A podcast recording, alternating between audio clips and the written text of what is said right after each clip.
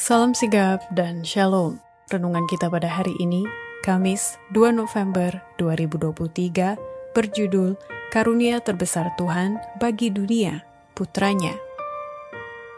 Ayat intinya terdapat di dalam Lukas 2 ayat 10 dan 11. Lalu kata malaikat itu kepada mereka, Jangan takut, sebab sesungguhnya aku memberitakan kepadamu kesukaan besar untuk seluruh bangsa hari ini telah lahir bagimu juru selamat, yaitu Kristus, Tuhan di kota Daud.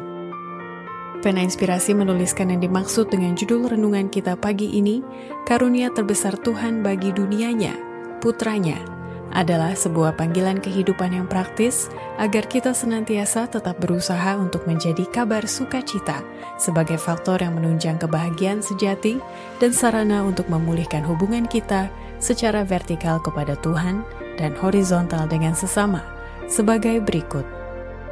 Pertama, metode dan cara agar kita bisa mendapatkan karunia terbesar Tuhan bagi dunia, putranya, adalah dengan menghilangkan perselisihan dan memenuhi jiwa dengan kasih dan hati yang tidak ada sangkaan jahat supaya memperoleh damai Kristus.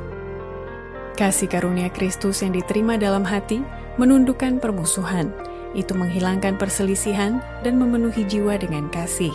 Orang yang berdamai dengan Allah dan sesama manusia tidak bisa dibuat sengsara. Dengki tidak akan ada dalam hatinya. Sangkaan-sangkaan jahat tidak mendapat tempat dalam hatinya. Kebencian tidak ada. Hati yang sesuai dengan Allah memperoleh damai surga dan akan menyebarkan pengaruhnya yang menyenangkan di sekitarnya roh kedamaian akan turun bagaikan embun ke hati yang lelah dan disusahkan oleh perselisihan-perselisihan duniawi. Kedua, metode dan cara agar kita bisa mendapatkan karunia terbesar Tuhan bagi dunia, putranya, adalah kita harus menjadi milik Kristus, sehingga kita sebagai keturunan Abraham berhak mendapat hak istimewa menerima janjinya. Tujuan Allah dalam memilih suatu umat di hadapan seluruh dunia Bukan hanya dia dapat mengangkat mereka sebagai putra-putrinya, tetapi melalui mereka, dunia dapat menerima kasih karunia yang membawa keselamatan. Titus 2 ayat 11 Ketika Tuhan memilih Abraham, ia bukan hanya menjadi teman khusus Allah, tetapi menjadi perantara dari hak-hak istimewa yang dirindukan Tuhan untuk diberikan kepada bangsa-bangsa.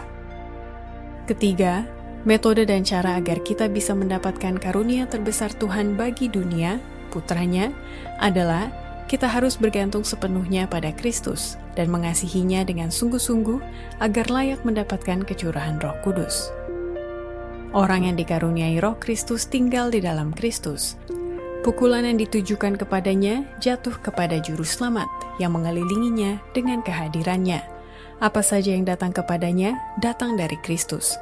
Dia tidak perlu melawan kejahatan, karena Kristuslah pembelanya.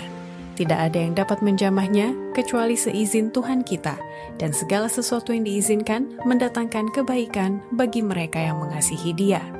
Roma 8 ayat 2. Keempat, metode dan cara agar kita bisa mendapatkan karunia terbesar Tuhan bagi dunia putranya adalah menjaga kerukunan atau hubungan dengan Kristus sesuai dengan prinsip-prinsip hukumnya demi meraih tuntutan standar tabiatnya.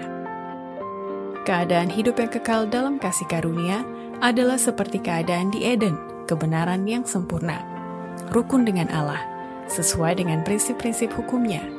Standar tabiat yang ditunjukkan dalam perjanjian lama sama dengan yang ditunjukkan dalam perjanjian baru Standar ini bukanlah standar yang tidak dapat kita capai.